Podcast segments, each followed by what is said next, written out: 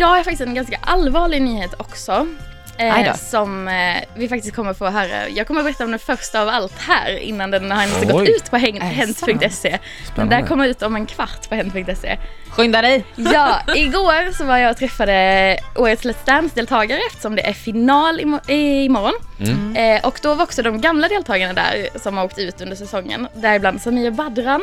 Mm. Och jag satt och pratade med honom en väldigt lång stund och då berättade han att han faktiskt håller på att förlora sin syn.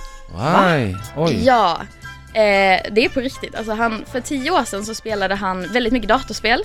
Han var 16 år och satt hemma satt uppe så två dygn i rad. Mm. Och en natt så liksom smällde det till i hans huvud, beskriver han, och han såg stjärnor och det här gick inte över.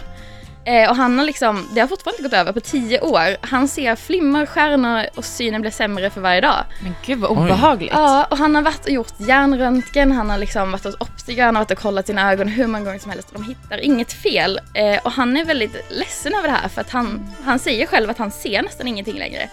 Eh, I mörker ser han faktiskt ingenting alls.